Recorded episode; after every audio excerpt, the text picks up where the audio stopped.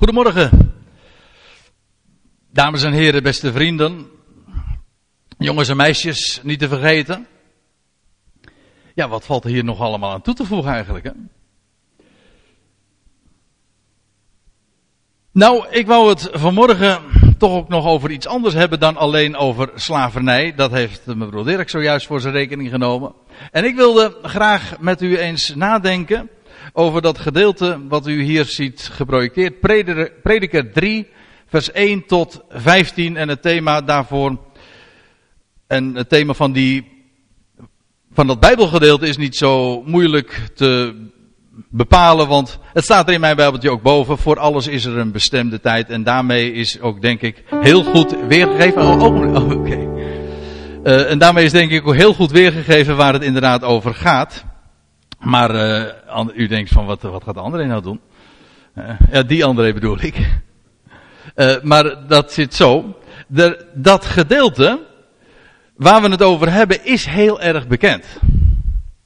Iedereen kent dat, iedereen kent dat, die Bijbelpassage. Al was het maar vanwege deze popgroep. Die hadden in 1965, ik meen van, ja het is niet voor mijn tijd, maar ik was een ventje van vier jaar. Dus dat, de top 40 hield ik toen niet bij. Nog niet bij en nu ook al, niet lang, al lang niet meer. Maar in, 1965 hadden ze een, een grote hit en dat heette Turn, Turn, Turn. En dat gaat zo. Ja. U kent het ongetwijfeld. Ja, ik ga het niet meezingen hoor, maar... Time for every purpose under heaven.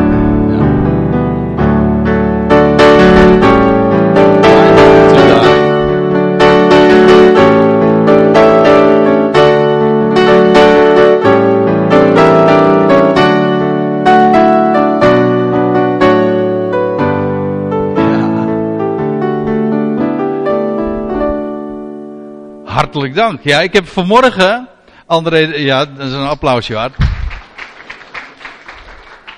André kwam vanmorgen binnen. Ik zeg, ken jij dat nummer van The Birds? Ja, hij wist het meteen welk, om welk lied het ging. Hij zei, ja, dat is geen probleem. Ik zeg, nou dan blijf jij gewoon hier even staan en dan, dan kun je het eventjes spelen.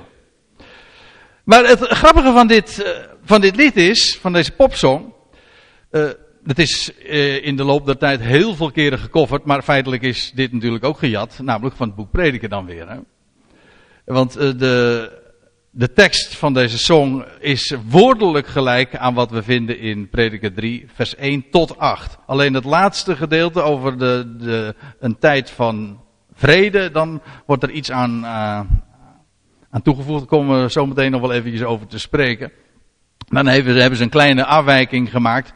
Maar wij willen trouwens, of ik wil vanmorgen graag met u uh, dat, datzelfde gedeelte bespreken. Maar ik wil ook nog wat verder gaan. Verder gaan dan alleen wat de, deze, deze birds hebben gezongen. Ik stel voor dat we het gewoon maar eens lezen met elkaar. Nou ja, we hebben het zojuist al eventjes in het Engels voor ons gezien. Maar het begint inderdaad met alles heeft zijn uur en ieder ding onder de hemel zijn tijd. Kijk, het boek Prediker, u weet het, het heeft de reputatie en volkomen terecht natuurlijk, dat het een boek is dat vol staat van zoveel wijsheid. En een van de dingen die telkens weer als een refrein weer klinkt in dit boek is: alles is ijdelheid. Of een ander refrein dat telkens weer klinkt, dat is: welk, welk voordeel heeft de mens eigenlijk bij al zijn zwoegen en bij al zijn tobben? Nou, Prediker 3 vangt aan met een, een heel, uh, met een nieuw thema. En dan zegt, dan zegt Salomo, want hij is de schrijver, al noemt hij zich niet zo bij naam, maar we mogen dat uit het uh, boek dan toch wel zo afleiden. Hij zegt, alles heeft zijn uur en ieder ding onder de hemel zijn tijd. Voor alles is een tijd en daar gaan worden dan ook een heleboel voorbeelden in dit gedeelte gegeven. Maar er staat, alles heeft zijn uur en ieder ding onder de hemel zijn tijd. Later trouwens gaat de prediker, de prediker, eh, prediker daar nog op door en dan zegt hij, Het hart van de wijze kent tijd en wijze. Want elk ding heeft zijn tijd en zijn wijze. En als ik dan lees, het hart van de wijze kent, kent tijd en wijze. Dan denk ik zowel aan de mens als aan God. Maar eigenlijk moet ik het in omgekeerde volgorde zeggen. Dan denk ik in de eerste plaats aan God. En in de tweede plaats ook aan de mens. Dat wil zeggen, degene die wijs is, wel die weet wanneer je dingen ook doet. Wanneer dingen ook op zijn plaats zijn. Want alles heeft inderdaad zijn, zijn plek, zijn bestemming, zijn bestemde tijd. Maar men zou de dingen niet misplaatsen. En er was een, ehm, een hele bekende kerkvader. En het gebeurt heel vaak dat ik hier sta en dan, dan noem ik ook de naam van een of ander bekend figuur uit de, de geschiedenis van de christenheid. En dan citeer ik hem niet met instemming. Dan wil ik daar nog wel eens een keertje. Sommige mensen zeggen dan dat, dat ik daar dan tegen schop. Nou, dat is nou ook weer niet de bedoeling. Maar dan probeer ik het contrast duidelijk te maken tussen wat, wat men zegt. Wat misschien eh, hele geleerde mensen zeggen over de Bijbel en aan de andere kant wat de schrift daarover zegt. Maar ik heb een uitspraak van Augustinus gelezen en die luidt zo. Onderscheid de tijden en de schrift is in harmonie met zichzelf. En ik moet u zeggen, daar slaat Augustinus de spijker mee op de kop. Het is zo ongelooflijk belangrijk voor het verstaan van de schrift om de tijden te onderscheiden. Want niet alleen voor de mens geldt dat alle dingen zo zijn tijd hebben. En we zullen daar straks nog eh, heel veel voorbeelden van benoemen ook. Maar ook voor God is dat zo. Ook God heeft in het grote geheel, en ik wil ook prediker 3 eens in dat licht zien. En misschien heeft u dat op deze manier nog nooit zo, zo opgevat, of in, in dat licht dat Bijbelgedeelte zo verstaan. Dat ook God zijn tijden heeft. En ook de schrift onderscheidt tijden. En die zou men onderscheiden. Want als je dat niet doet, als je alles in de Bijbel zomaar, zoals dat veelal gedaan wordt, dat je in de Bijbel alles zomaar lukraak op onszelf, op, of op jezelf, van toepassing brengt, dan maak je enorme uitgeleiders. En dan, dan ontstaat er ook een enorme tegenspraak in de Bijbel. Met de Bijbel kan je alle kanten op. Ja, dat is ook zo. Als je alles zomaar op jezelf van toepassing brengt, of op deze tijd van toepassing brengt, dan klopt de Bijbel niet. Maar zou men de tijden onderscheiden, zoals de schrift dat ook aangeeft, dan ontstaat daar harmonie. Dan is daar harmonie. Die harmonie verdwijnt alleen maar daar waar wij de dingen misplaatsen. In tijd ook. Nou, ik kom daar vanzelf uh, nog wel over te spreken in diverse, bij diverse voorbeelden. Maar ik stel voor dat we gewoon eens even verder gaan. Uh, er is een tijd, zo begint, dat is het eerste contrast wat prediker dan noemt. Hij noemt er in totaal 14. 2 maal 7. Ja, dank u wel. 14 contrasten gaat hij opsommen. En dan zegt hij: Er is een tijd om te baden, of eigenlijk staat er Zoals de Statenvertaling dat ook heeft. Er is een tijd om geboren te worden en een tijd om te sterven. Nou, daarmee heb je wel heel, heel fundamenteel aangegeven hoe dat met een mensenleven is gesteld. En beide hebben zo hun plaats. Hè. Je kunt een geboortenatum noemen en je weet, hè, tenzij de bazuin eerder gaat klinken, die uitzondering laat ik nu even voor wat het is. Wordt, komt in prediker tenslotte ook niet aan de orde. Eh, maar dan weet je, een mens wordt geboren en hij gaat ook weer dood. En zoals er een datum hoort bij het een, zo hoort er ook een datum bij het ander.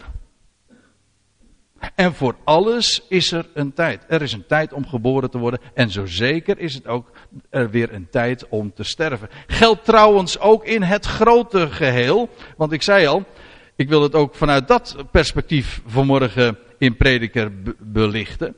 Namelijk, voor, voor God, uh, voor Gods zoon. Je leest in de, in Galaten 4, vers 4. Toen de volheid des tijds gekomen was, dat wil zeggen toen de tijd vol was, over de bestemde tijd trouwens gesproken, heeft God zijn zoon uitgezonden, Geboren uit een vrouw, geboren onder de wet, om hen die onder de wet waren vrij te kopen. komen we toch nog eventjes bij het thema van vrijkopen en de, het afschaffen van de slavernij. Hè? Maar de volheid des tijds. Er was een bestemde tijd voor de zoon van God ook om geboren te worden. En dat was zelfs zo bestemd dat het in de sterren geschreven stond. En de magiërs die wisten ervan, hij moet, er, de koning der Joden moet geboren zijn. En ze zijn op reis gegaan en ze zijn uiteindelijk er ook terechtgekomen waar ze moesten wezen.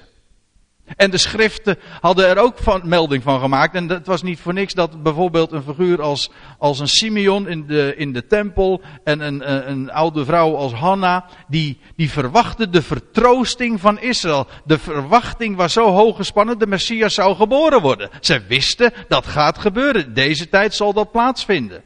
Waarom? Wel, zij kenden de profetieën. Daar was een bestemde tijd. Daar gaat het mij maar eventjes om. Net zo goed als trouwens de Heer Jezus ook later, zoals hij geboren is op een bestemde tijd, is hij, stierf hij ook op een hele bestemde tijd. En dan heb ik het niet alleen over het jaar, maar ik heb het zelfs over de dag. Wat zeg ik? Ik heb het zelfs over het uur. Nou, op het uur dat inderdaad het lam geslacht zou moeten worden, op de juiste datum, de dag van het paascha, stierf het ware paascha. Dat was allemaal bestemd. Een tijd voor hem ook om geboren te worden in de volheid des tijds en ook een bestemde tijd om te sterven.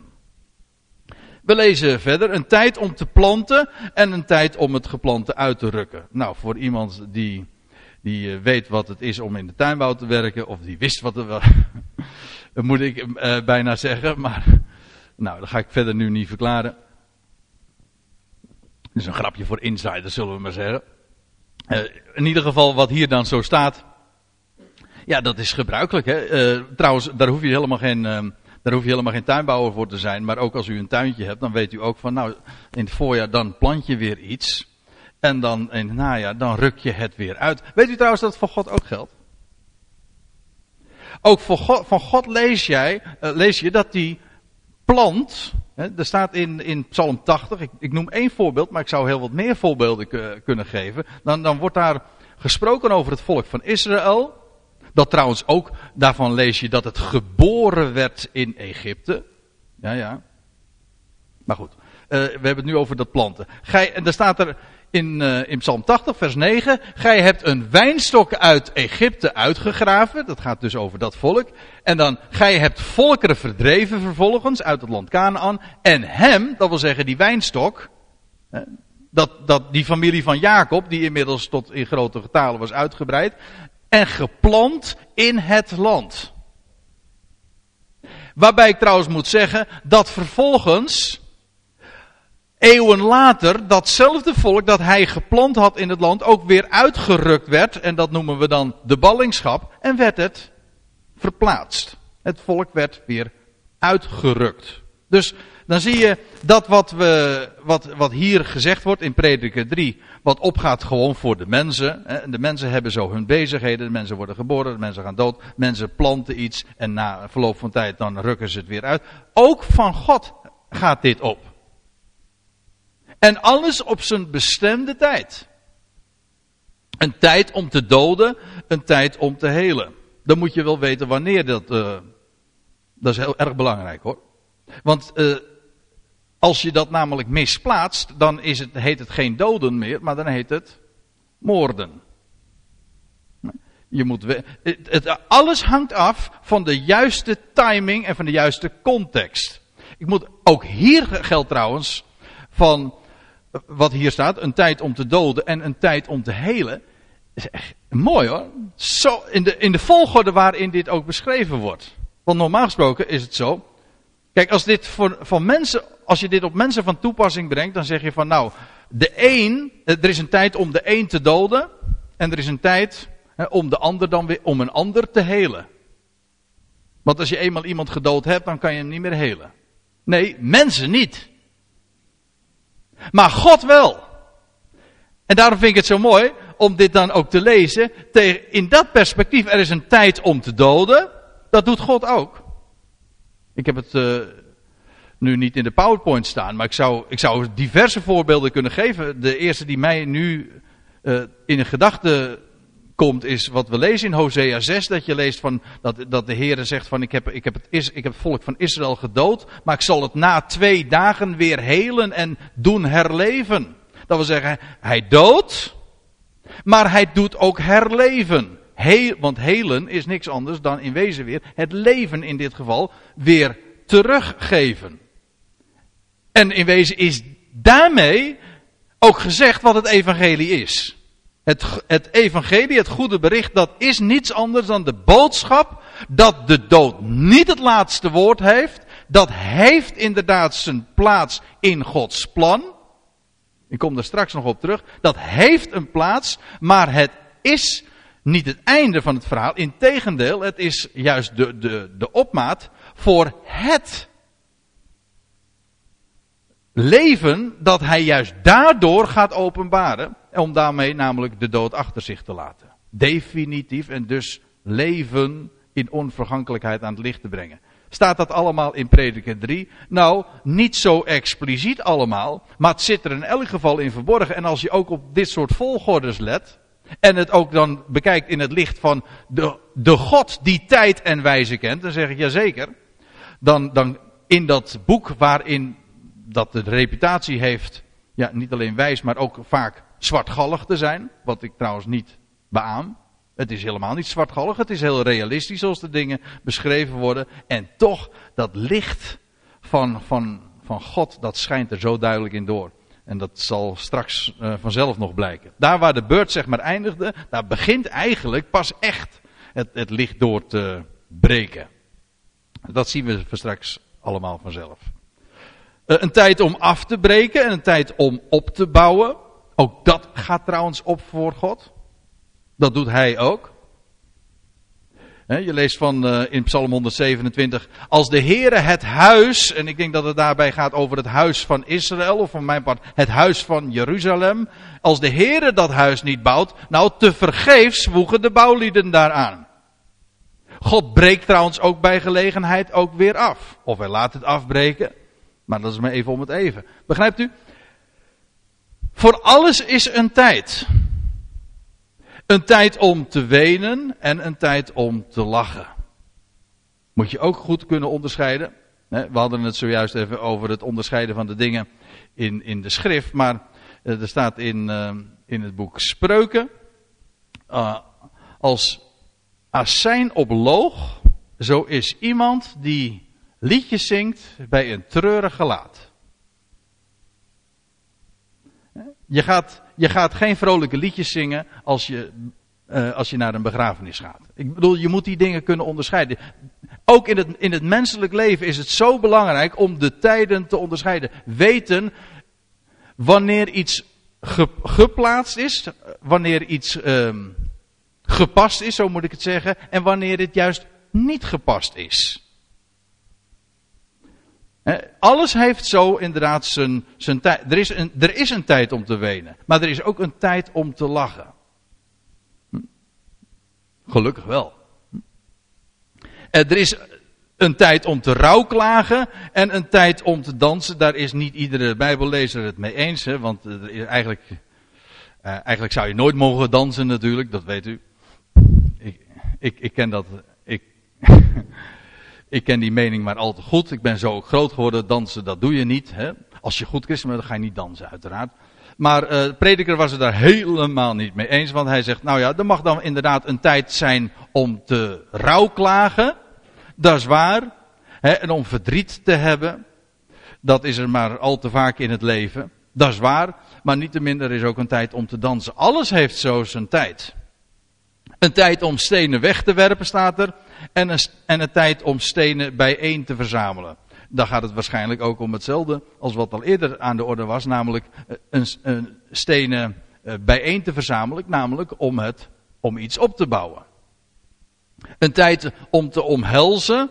En er is ook een tijd om zich van het omhelzen te onthouden. Ja, wat valt daar nog van te zeggen? Als u dat trouwens wil weten, dan zou je uh, 1 Korinthe 7 eens moeten lezen. Zelfs in het huwelijk gaat het op. Ja, Zelfs dan kan het zeggen, 1 Korinthe 7, het begin. We gaan er nu maar niet al te diep op in. Hè, want, maar de, daar, daar legt Paulus ook uit wat hij zegt van nou ja, het kan inderdaad een tijd zijn voor een man en een vrouw om je van het omhelzen te onthouden. Hij zegt erbij uh, met wederzijds goed vinden dan weliswaar. Maar die dingen hebben allemaal zo hun tijd. Een tijd is er om te zoeken en er is een tijd om verloren te laten gaan. Voor de mens is deze volgorde precies zoals het inderdaad is. Hè? Je, je gaat zoeken en op een gegeven ogenblik dan blijkt dat het niet gevonden wordt. En wat doe je dan? Dan laat je het verloren, dan laat je het verloren gaan. Bij God is precies omgekeerd. Dan lees ik in, uh, in Lucas 15. Daar gaat, het over, daar gaat het over die goede herder. En dan zegt hij, dan lees je over dat, dat schaapje dat verloren is. En hij ging het verlorene zoeken, staat er dan. Totdat hij het vond. Dus eh, daar is het juist zo. Eerst is daar die tijd van verloren laten gaan. Hij laat dingen verloren gaan. Maar dat is nooit het eindpunt in de Bijbel. Integendeel, de dingen zijn verloren. Waarom? Opdat ze gevonden zouden worden. En in de Bijbel wordt het verlorene altijd weer gevonden. Dat is, dat is juist het geweldige. Maar voor alles is een bestemde tijd. Het is niet waar wat mensen, wat mensen zeggen van dat, dat niemand verloren gaat. Ik hoor het wel eens zo zeggen. Ik, ik, hoor, ik hoor het, het, wordt, het wordt je namelijk ook wel eens een keertje in de mond gelegd. Hè, dat als je de Bijbelse boodschap uh, gelooft en ook uitdraagt. En, en, dan, en, en andere mensen die vangen dan iets op daarvan. En dan zeggen ze van ja, ah, André Piet die, die vertelt dat niemand verloren gaat.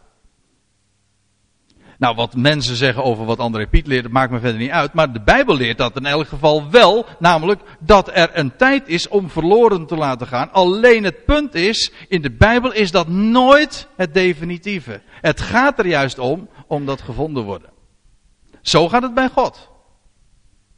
En aan hem is dat uh, helemaal toevertrouwd. En ik zal het u straks aan het einde van deze presentatie zal ik u het ook laten zien. Want in Prediker 3 wordt het ook zwart op wit zo gezegd. Een tijd om te bewaren en een tijd om weg te werpen. Sommige mensen leren dat nooit. Hè? Ik ken van die mensen die nooit iets weggooien. En dan moet je eens een keertje op de zolder kijken. En ze bewaren, al de, ze bewaren alles. Ja. Nou, ja, dat is dus niet zo heel erg handig.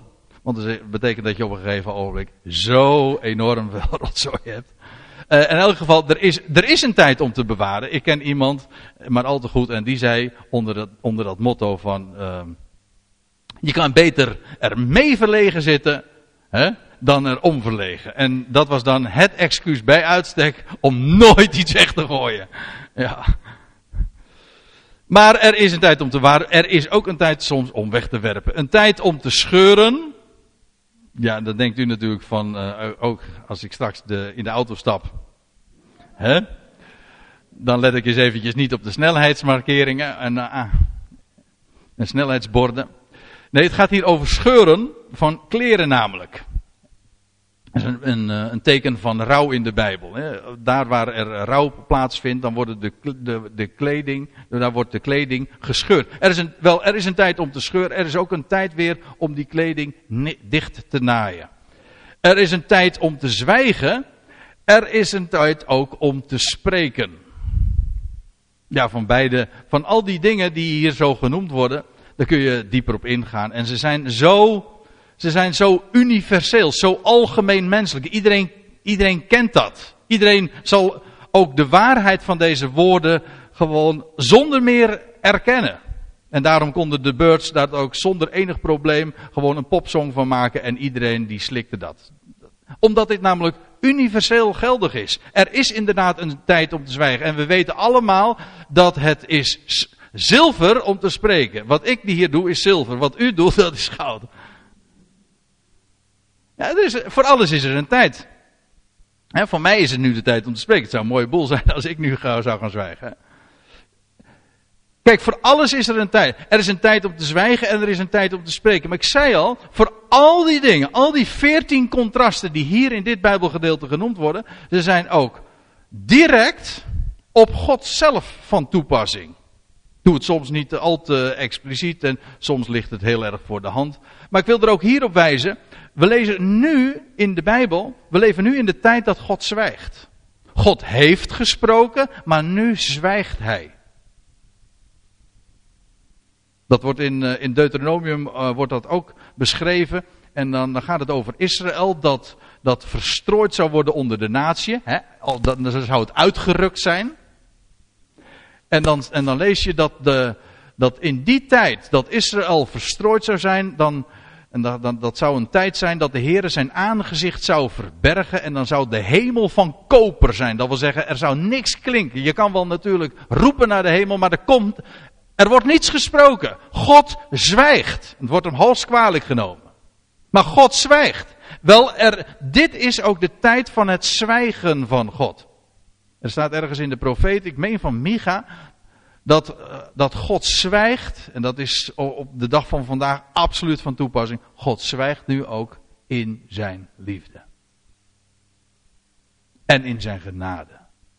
Er komt een tijd, en dat duurt niet lang meer, dat hij gaat spreken. En dan is er een tijd, Psalm 2, die in de hemel zetelt, staat er, die lacht. Ja, ik moet, zeggen, daar denk ik heel graag aan. En als je alles leest wat er zo op je afkomt, hè, je leest de, tijdschriften, de krant of je kijkt naar de televisie, naar het journaal. Er is zoveel in de wereld aan de hand. En er is zoveel turbulentie, eh, je kredietcrisis, eh, presidentsverkiezingen, en oorlogen, geruchten van oorlogen. Al die dingen zijn aan de hand. En dan, is, en dan eraan te denken, er je bewust van te zijn dat er iemand is, daarboven, de grote regisseur, die lacht. Dus zo'n... Um, een zanger, ik kom even niet op zijn naam, over pop. Goh, wat zitten we in de sfeer van de popsongs. Maar die, uh, die zingt ook. Het is een hele bekende, maar ik kom even niet op zijn naam. Maar die, zei, die zingt dan op een gegeven ogenblik in, uh, in, in zo'n song van. Uh, nou, ik zal het meteen maar vertalen. Uh, ik vertelde God mijn, mijn plannen en hij lachte slechts. Niemand helpt mij nu. Uh, Iemand zei dat trouwens, naar aanleiding van die uitspraak ook, naar aanleiding van wat er in die song staat, van als je God aan het lachen wil eh, maken, het klinkt wat oneerbiedig, maar het is eigenlijk wel waar. Als je God aan het lachen wil maken, moet je, moet je hem jouw plannen vertellen. Want hij weet namelijk hoe het echt zit. En dat is, met, dat is hier in, in Psalm 2 trouwens ook wel een mooie. Want dan lees je van dat de volkeren zeggen van dan trekken ze zich ook ten, ten, ten, strijde tegen Jeruzalem en, uh, en, de Verenigde Naties, want daar gaat het in Psalm 2 over, dat alle volkeren tezamen beraadslagen en, dan, en laat, ons hun banden verscheuren en dan trekken ze op naar Jeruzalem. Het is een profetische psalm, dat, dat zal allemaal nog zijn beslag gaan krijgen. Binnen niet al te lange tijd. Wel, de volkeren beraadslagen dan, zij maken hun plannen, en dan staat er die in de hemelzetel die lacht. Nou, zo gaat dat. De mens, de mens wikt, hè? de mens maakt zo zijn plannen, maar God beschikt. En zo gaat het altijd met de plannen van de mens. Wij, wij, wij weten helemaal niet uh, wat, wat, wat goed is. Wij weten helemaal nog niet, nog niet eens uh, de dag van morgen. Nou, er is maar één. Uh, er staat ergens in, het, in, in de geschiedenis van, jo van van David en Jonathan, er is slechts één schrede tussen mij en de dood. We weten helemaal niets over de toekomst. En daarom, dat plannenmakerij van de, van de mens, dat, dat kan alleen maar rekenen op, de, op het, de hoon, de spotgelach van hem die daar in de hemel zedelt. Hij die in de hemel zedelt, die lacht. Trouwens ook van vreugde moet ik erbij zeggen. Niet alleen maar uit spot voor, voor de menselijke plannenmakerij, maar ook omdat hij weet wat goed is en dat hij het ook allemaal goed gaat maken. Hij is de gelukkige God. Hier, hier is het hij die in de hemel zetelt lacht, de Heer spot met hen. En nou komt het even waar het om gaat. Dan spreekt hij tot hen in zijn toren en hij verschrikt hen in zijn gramschap. Hij laat namelijk niet met zich spotten. Nu mag hij zwijgen. Je kan, je kan God uitmaken voor alles wat, wat mooi en lelijk is, maar hij zwijgt. In genade. Het is de dag van genade. Hij grijpt niet in. Maar straks is het over en dan, is, en dan, dan gaat hij spreken in zijn toren en verschrikt hen in zijn gramschap. Dan gaat hij orde op zaken stellen in deze wereld. Ziet u, wat ik ermee wil zeggen is, als daar staat in Prediker 3, er is een tijd van zwijgen en er is een tijd van spreken, is dat voor God net zo. Hij zwijgt nu, maar straks gaat hij spreken in zijn toren. En dan gaat hij werkelijk inderdaad orde op zaken stellen in deze wereld. En alle menselijke plannenmakerij worden dan gewoon uh, absoluut en radicaal terzijde geschoven. Een tijd om te beminnen, maar er is ook een tijd om te haten. Waarbij haten in de Bijbel de betekenis heeft van daar waar niet bemind wordt. Dus zoals duisternis niks anders is dan dat waar het licht ontbreekt, zo is haat niets anders dan dat waar de liefde ontbreekt. Het heeft niet die gevoelswaarde die, eh, die wij er vaak aan toekennen, alsof het, het spiegelbeeld is van liefde. Nee, het is juist het ontbreken van liefde. Het niet, niet bemind, zo wordt dat ook in de Bijbel nog eens genoemd. Doet uh, nu even niet de zaak, het gaat erom, er is een tijd om te beminnen, maar er is ook in de Bijbel een tijd om te haten.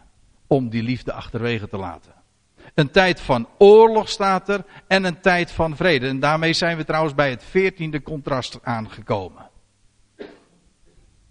En ik zei zojuist al in dat nummer van de Birds, wordt dat, eh, alleen dit zinnetje wordt uh, wat omgegooid. Er staat van een, de tijd van oorlog wordt weggelaten en er staat een time of peace. En dan zei uh, I swear it's not too late.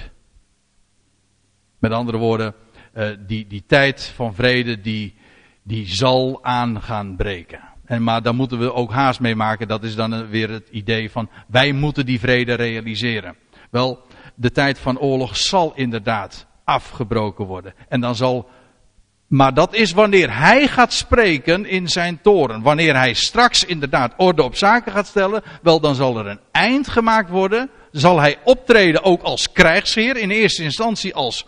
Ja, dat, we hadden het uh, al eerder in deze samenkomst, mijn broer wees er al even op, dat de Heer straks zal verschijnen op de Olijfbergen. Dan moet u dat lezen in Zachariah 14, dan staat er, en dan zal hij strijden voor zijn volk als ten dagen ooit van de krijg. Dat wil zeggen, hij zal inderdaad oorlog gaan voeren.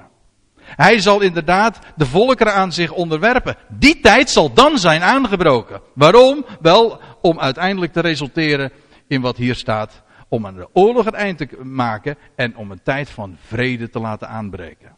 Nou, dan als al die dingen zo genoemd zijn, dan zegt de prediker, welk voordeel heeft de werker van datgene waarvoor hij zich aftopt? Kijk, het idee daarbij is, er wordt hier een, een weegschaal als het ware voorgehouden. Je hebt de plussen en je hebt de minnen. Je hebt de positieve kant en je hebt de negatieve kant. Geboren worden en, en sterven. Uh, oorlog, vrede. Alles is min en alles is plus. Maar als, je, maar als die twee nou gewoon in, evenwicht zijn, wat is dan het voordeel? Als het positieve weer teniet gedaan wordt door het negatieve, wat ben je dan ooit opgeschoten? Wat is het netto resultaat van dat alles? Je kan wel zeggen van ja, je moet positief denken. Je zegt van er zijn toch zoveel positieve dingen. Ja, maar die positieve dingen worden in deze wereld weer weggestreept door de negatieve. Dat is ook negatief bekeken, zegt u misschien.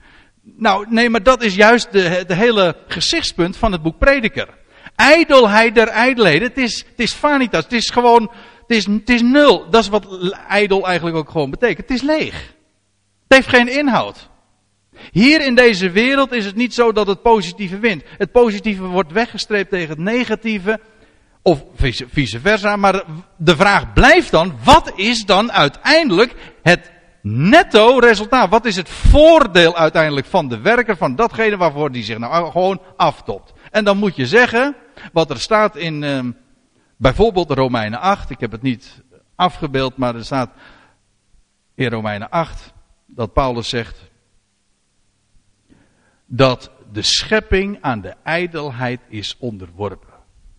Dat wil zeggen aan dat ontbreken van enig voordeel. Het is leeg. Het is, het is hier puur uh, gezien uh, binnen de, de sfeer van onze horizon zeggen we van nou, het is inderdaad ijdel. En dan staat er nog, maar dan zegt Paulus erbij, maar niet vrijwillig, maar om hem die haar daaraan onderworpen heeft. Dat wil zeggen, de wereld, de schepping is onderworpen aan de ijdelheid, maar dat is, niet omdat de mens daarvoor gekozen heeft.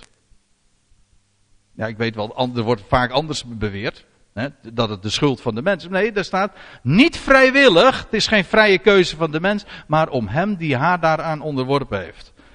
Nou, en dan gaat prediker verder. Ik heb in ogenschouw genomen de bezigheid die God aan de mensenkinderen gegeven heeft. Om zich daarmee te kwellen.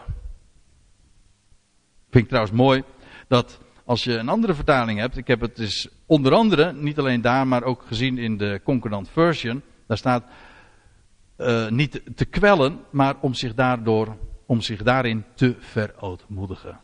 God kwelt de mens niet, maar hij maakt hem klein. Let er trouwens op hoe dat staat. Hè? Hij zegt, ik heb een ogenschouw genomen. Dat heeft hij zojuist ook gedaan. Hè? Door al die, die contrasten zo op te sommen. Hij zegt, ik heb een ogenschouw genomen. De bezigheid die God aan de mensen, kinderen heeft gegeven. En dat is inderdaad iets wat ons klein maakt inderdaad, ik geef toe, het kwelt je misschien ook. Maar het idee is dat de mens daardoor klein zou worden. Zou weten dat hij onderworpen is aan deze wetmatigheden en zich daar ook niet aan kan, kan onttrekken, al zou hij dat willen. Maar dan vers 11. Dat zingen de birds ook niet. Alles heeft hij voortreffelijk gemaakt. Op zijn tijd. Moet u zich realiseren dat dit staat pal na die opsomming van 14 contrasten. 2 maal 7. Hij noemde contrasten, dat is die dubbelheid, die dualiteit. Maar hij zegt, eh, hij heeft het allemaal voortreffelijk gemaakt. En dan, vind ik, dan is het in mijn optiek absoluut geen, geen toeval dat dat inderdaad 2 keer 7 is. Zowel die dualiteit zit erin als die voortreffelijkheid. Maar alles heeft hij voortreffelijk gemaakt op zijn tijd. Geboorte en dood. Oorlog en vrede. Uh, ziekte en uh, genezing. Al die dingen, dat positieve, maar ook dat negatieve, hij heeft het alles voortreffelijk gemaakt op zijn tijd. Puntje, puntje, puntje, want de tekst gaat verder. Maar let even op hoe dit hier staat. Dit is zo geweldig. Wat hier staat. Als je dit weet, dan heb je vrede. Als je weet, er gebeurt niets voor niets.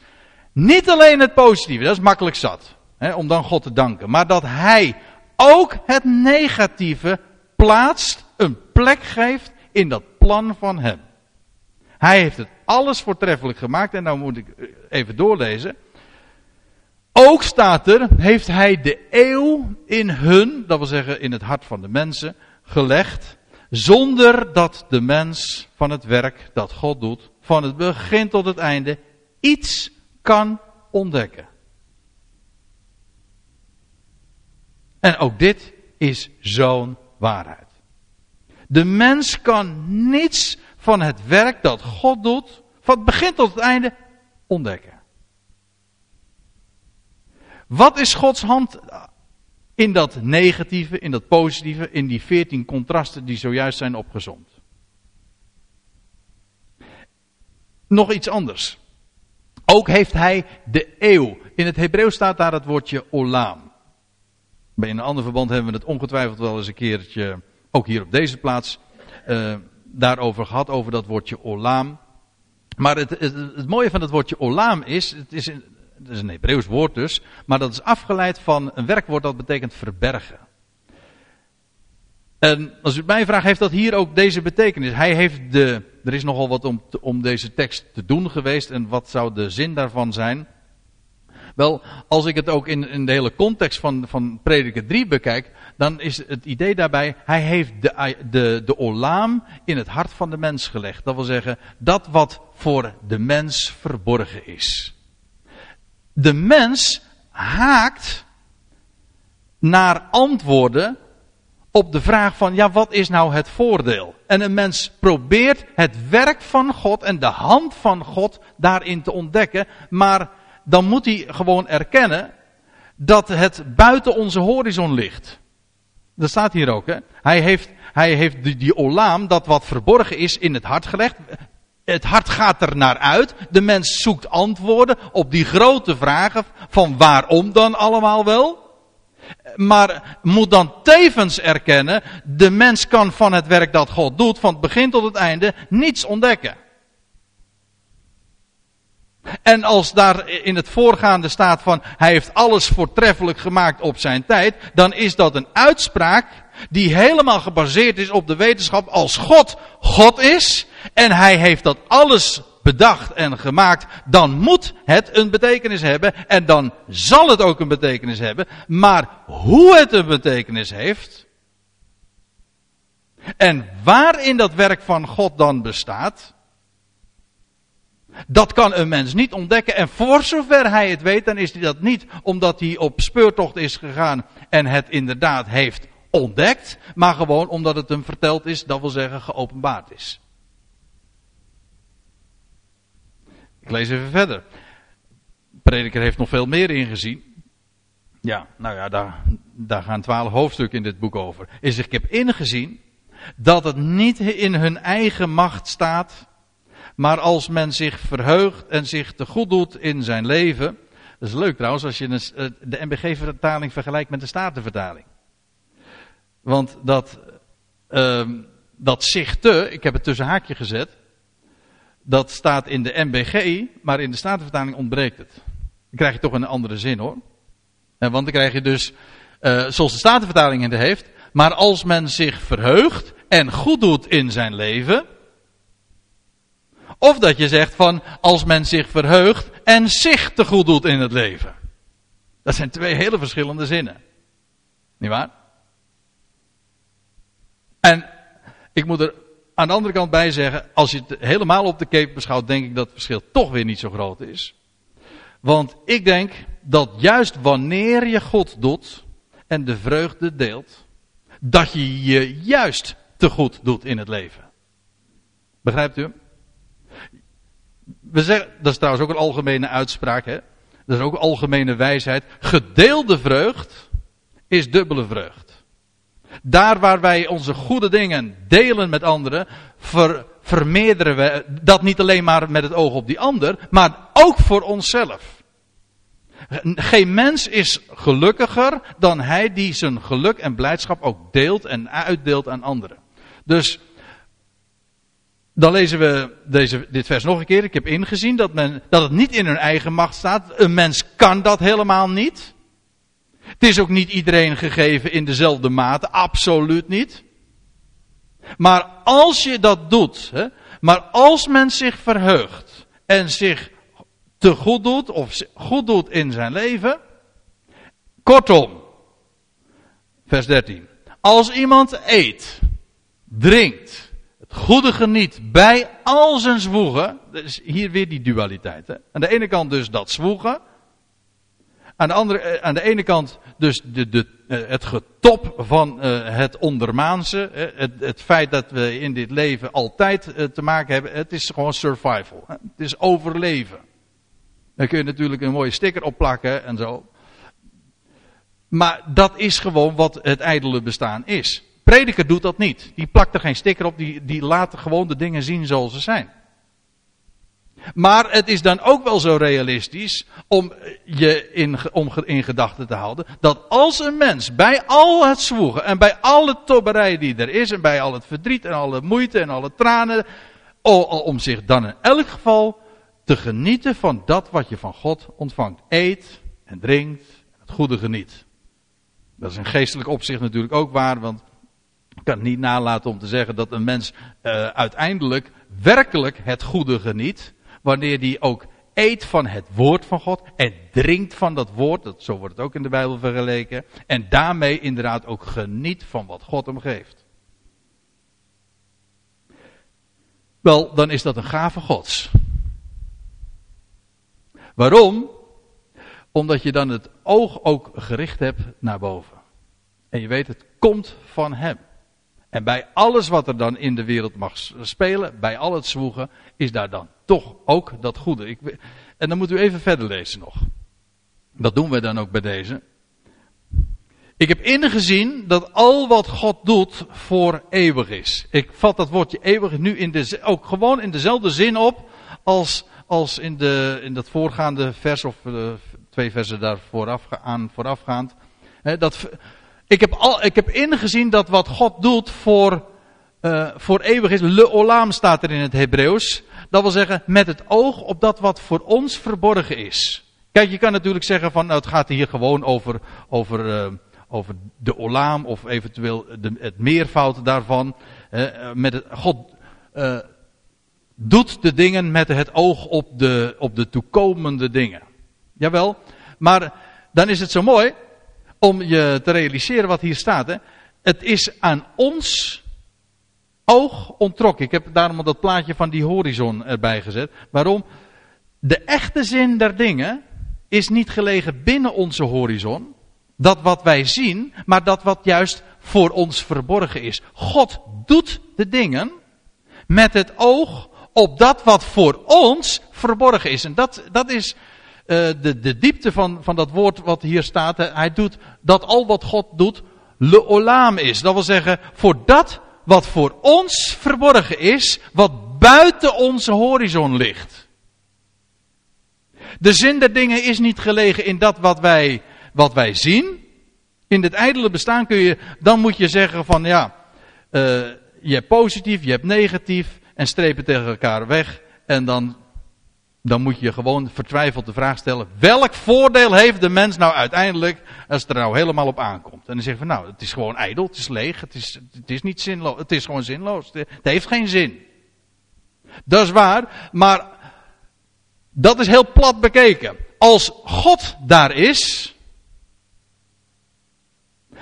dan is het zo dat Hij alles voortreffelijk gemaakt heeft op zijn tijd. En al kan een mens niets van de zin ervan ontdekken, dan nog is het zo dat omdat hij God is, volmaakt is, kan het niet anders dan dat het betekenis heeft.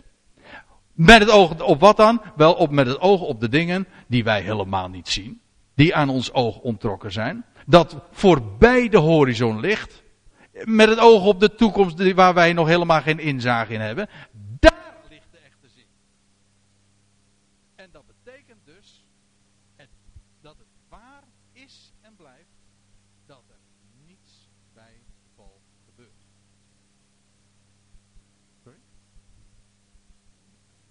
Geluid weg?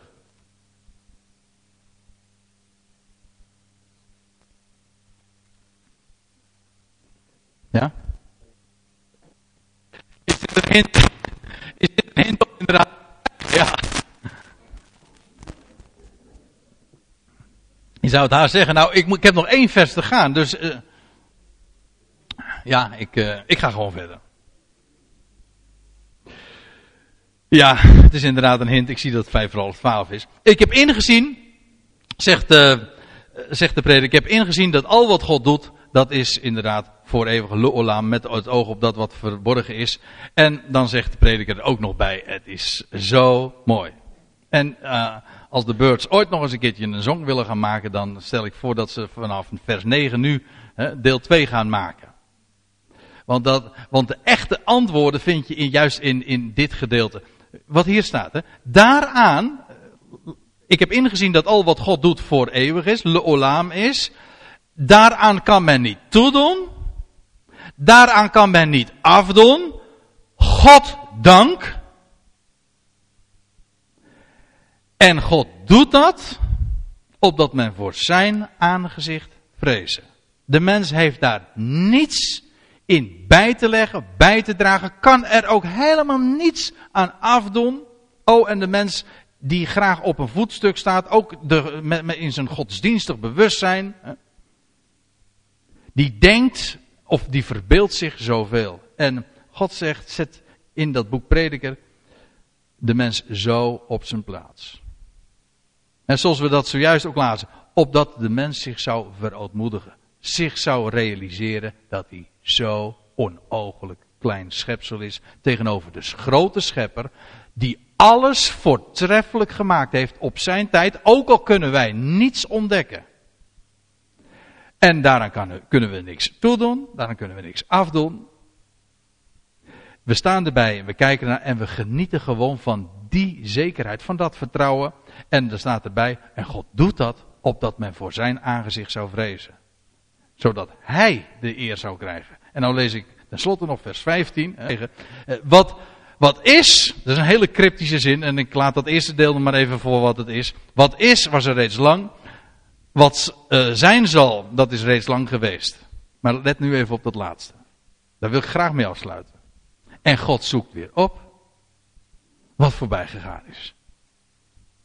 En ik zei toch al, dat wat er, uh, we hadden het er al eerder over dat, dat God het verlorene zoekt.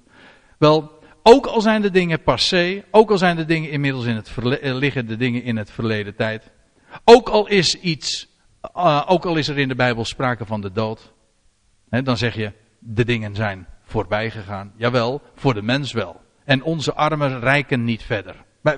Dan, daar houdt de mens gewoon halt. Maar God, omdat Hij God is, zoekt weer op wat voorbij gegaan is. En juist als Hij dat doet, en omdat Hij dat doet, is het waar wat we lazen, dat Hij alles voortreffelijk gemaakt heeft op zijn tijd. Want de werkelijke zin der dingen is niet gelegen binnen onze horizon, maar dat wat voor ons verborgen is, daar voorbij. En het allermooiste, dat gaat nog komen. En dan heeft dus toch alles zin. Alles heeft hij voortreffelijk gemaakt. Waarom? Wel, God zoekt weer op wat voorbij gegaan is. Ik stel voor dat we een lied gaan zingen.